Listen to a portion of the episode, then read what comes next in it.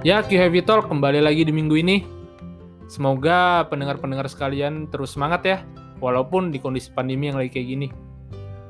Pertama-tama, aku tuh mau nanya nih ke pendengar-pendengar sekalian. Nongkrong nggak sih kalian sama situasi yang sekarang gini?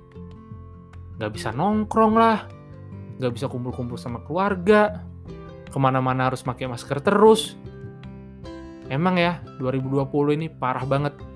Corona ini emang sengedongkolin itu. Corona nih ya, hampir ngebuat semua hal itu nggak menyenangkan. Tapi aku tuh punya pemikiran kalau semua hal itu pasti nih, ada baik, ada buruknya. Ya, walaupun baiknya itu cuma secuil banget, ya tetap aja pasti ada baiknya. Pasti banyak nih dari kita-kita ini yang selama masa pandemi cuma di rumah aja atau banyak di rumah gitu. Gabut, tidur, makan, main, tidur lagi. Ya, lama-kelamaan juga pasti bosen lah. Terus ujung-ujungnya bakal stres. Baru ngeluh gitu di sosmed. Baru marah-marah. Indonesia banget gak sih kayak gini? Terus pada akhirnya ya kita gitu-gitu aja. Gak ke mana-mana, gak berkembang.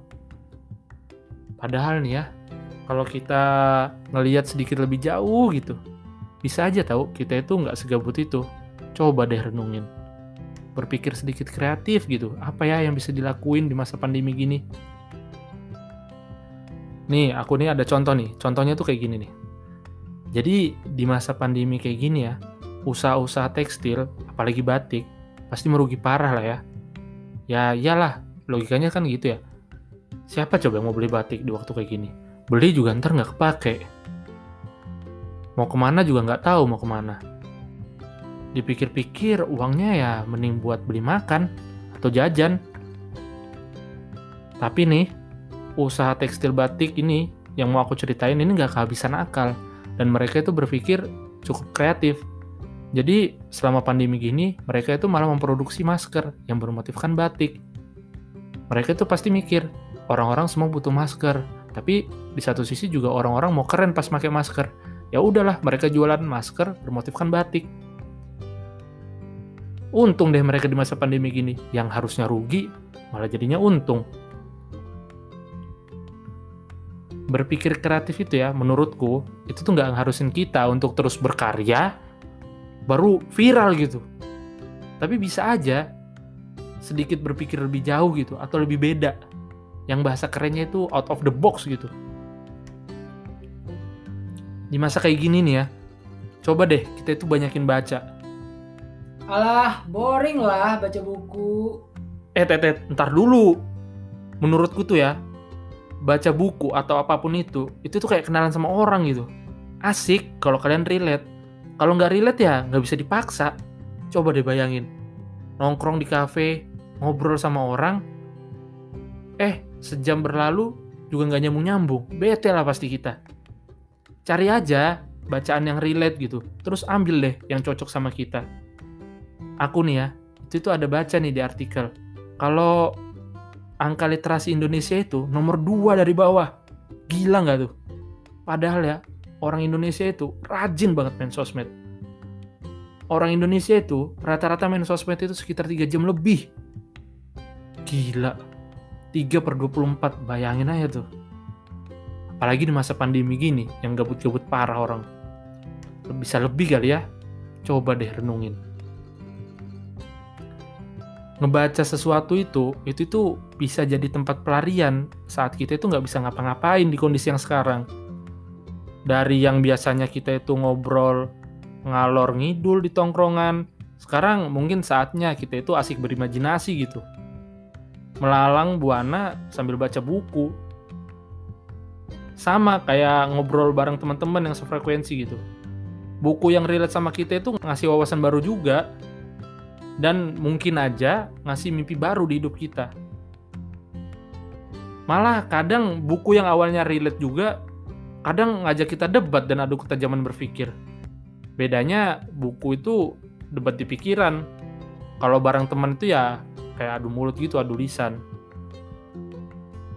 Yang dulu biasanya mungkin sering curhat di kafe, dan berharap dapat pemikiran-pemikiran baru dari teman-teman pas nongki.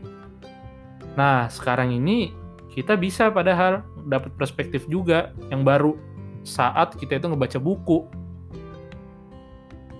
Sadar nggak sadar ya, ada tahu buku itu yang sebetulnya ngerti kita dan bisa ngejawab kerisauan-kerisauan yang ada di hidup kita. Jadi risau-risau kita itu bisa hilang aja gitu. Ya kadang-kadang juga bisa malah tambah risau sih. Hehe. Terus hubungannya apaan coba? Baca sama main sosmed. Nah, coba kita berpikir kalau itu itu bisa kita gabung. Jadi nih, sambil kita itu main sosmed, kita itu ngebuat orang lain juga ikut membaca tanpa sadar gitu. Bisa kan kalian habis baca buku gitu atau sambil baca buku, kalian tuh bagi-bagi opini gitu yang kalian dapatin dari buku. Nge-share quotes yang kita dapetin dari buku. Terus quote-quote itu bisa aja relate sama teman-teman kita.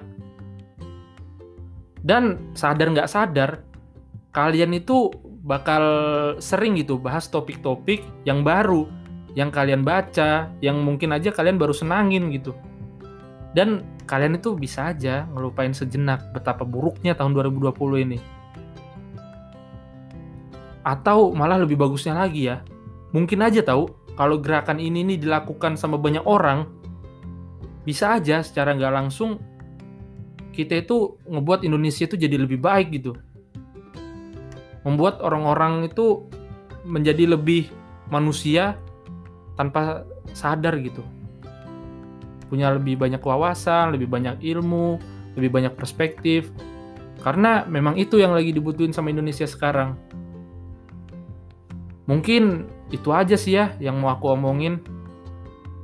Semoga kalian itu terus sehat dan terus bahagia ya.